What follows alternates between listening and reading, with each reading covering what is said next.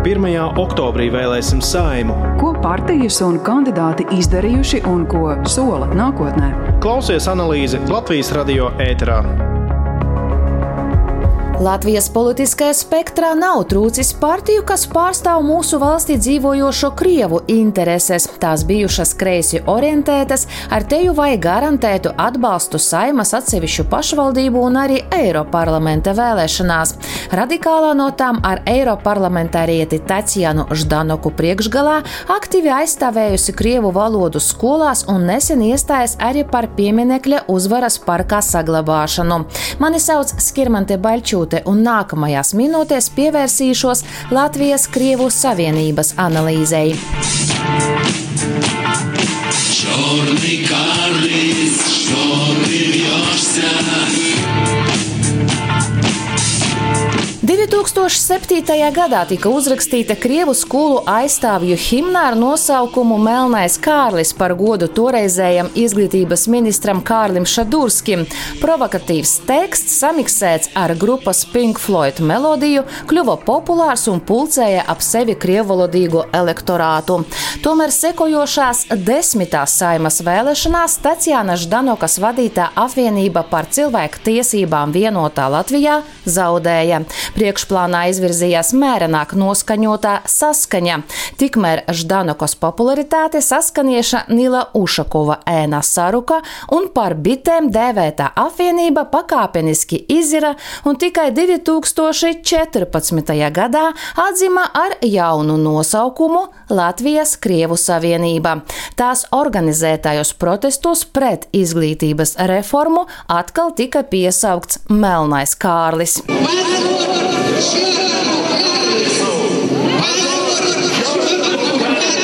Protesti pret Krievu vispār izglītojošo skolu pārēju uz izglītību latviešu valodā turpinājās 2017. gadā.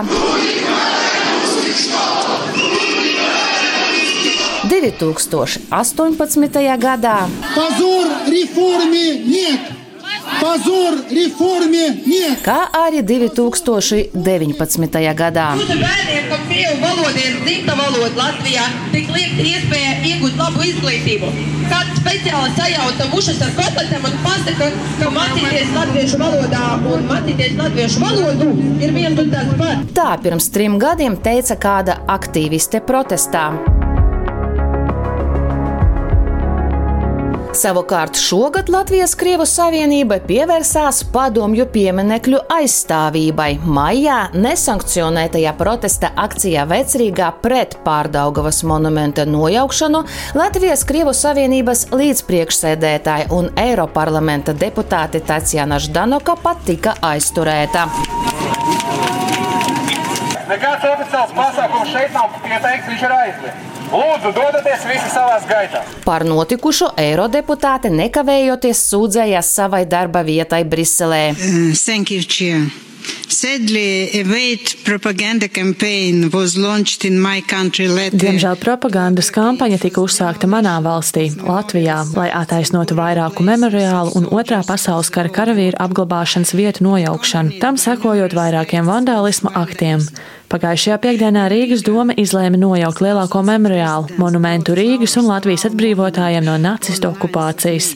Protesta akcija pret šo lēmumu bija aizliegta, un policija aizturēja divus organizatorus, kā arī mani. Tāsjanai Ždanukai ir aizliegts kandidēt vēlēšanās Latvijā, jo viņa bijusi komunistiskās partijas biedre pēc 1991. gada. Tomēr viņa ir Eiropas parlamenta deputāte jau kopš pirmajām tā vēlēšanām Latvijā 2004. gadā. Kā vienu no taustāmākiem saviem panākumiem Eiropas parlamentā pati Tāsjana Ždanuka ir minējusi to, ka Latvijas nepilsoņiem tika atļauts brīvi pārvietoties pārvietoties Eiropā. Es to arī panācu izmainot vīzu reglamentu. Tādā veidā, ka mūsu nepilsoņi ir iekļauti līdzās ar pilsoņiem tajā sarakstā, to cilvēku sarakstā, kuriem ir tiesības, tāpat kā pilsoņiem šķērsot bez pārbaudas iekšēs Eiropas Savienības un ne tikai Eiropas Savienības plašākas Šenkens zonas robežas. Pēc Krievijas atkārtotā iebrukuma Ukrainā Tatjana Ždanoka bija starp tiem 13 deputātiem, kas balsoja pret Eiropas parlamenta rezolūciju, kas nosodīja Krievijas agresiju Ukrainā. Tādēļ viņa bija spiesta pamest Eiropas parlamenta zaļo un Eiropas brīvās alianses grupu. Tikmēr Latvijā iniciatīvu portālā Mana balss sabiedrība savāca desmit tūkstošus parakstu par Latvijas Krievu Savienības darbības izbeigšanu. Saima no iniciatīvas norobežojusies, jo tai nav tiesību aizliegt kādu partiju. To vērtē valsts drošības dienests, kas juridiskus argumentus partijas darbības apturēšanai pagaidām nav atradis. Klasiskās radikālas metodes savu politisko interešu aizstāvībai, kā piemēram īru republikāņu armija, Latvijas Krievu Savienība nepielieto. Tomēr vietējā mērogā šo partiju var uzskatīt par radikālu, skaidro politologs Filips Rajevskis. Mēs skatāmies no Latvijas politiskā spektra viedokļa tad jā, viņi ir radikāli, jo mums spektrs nu, atšķirās no tāda klasiska grāmatās aprakstītā spektra. Mums ir zināmā mērā nacionālais jautājums, valodas jautājums ir spektra as, uz kuras tad viņi ir jā, radikāla partija ar savu divvalodības konceptu, krievu valodas nozīmi tā tālāk. Latvijas Krievu Savienība un tās priekšteči bijuši uzmanīgi uz savu interešu aizstāvēšanu satversmes tiesā un referendumu inicijēšanu.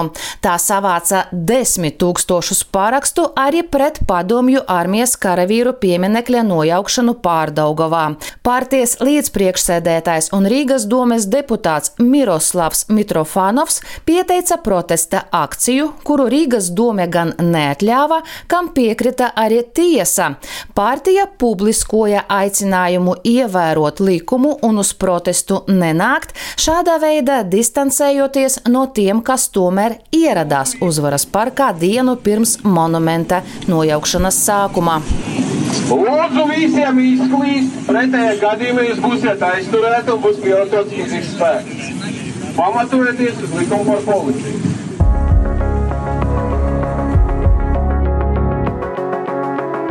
Šobrīd Latvijas Krievu Savienība ir ap 750 biedru. Partijas sarakstos 14. saimas vēlēšanām ir 102 deputātu kandidāti.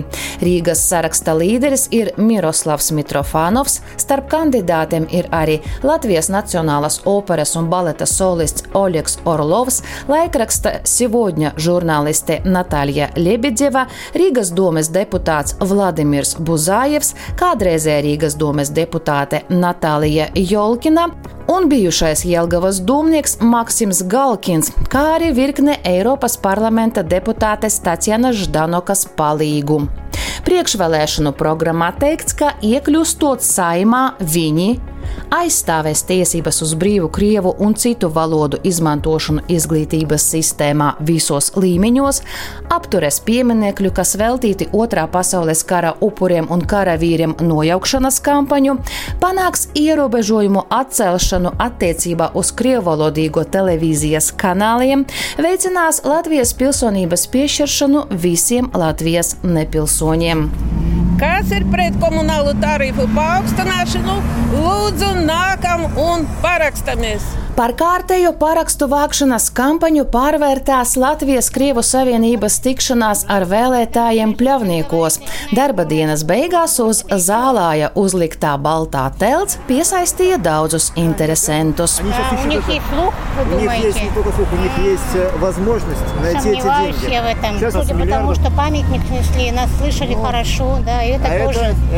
Vēlētāju izteiktās šaubas par parakstu vākšanas efektivitāti pārgāja diskusijā par viņiem sāpīgo pārdaugovas pieminekļa demontāžas jautājumu.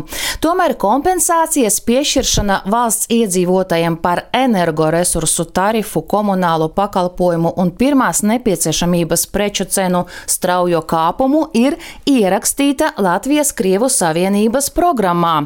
Jautāju Miroslavam Mitrofanovam, no kurienes nauda? Ļoti vienkārša atbildē aizņemums. Aizņemums eh, starptautiskā finanšu tirgus. Jo tagad uh, nauda inflācijas dēļ visur pasaulē kļuva ar katru dienu lētākā. Nu, inflācija ar to, ja mēs šodien paņemsim 10 miljonus, tad pēc 60 gadiem tas būs apmēram nu, 6000 ne vairāk.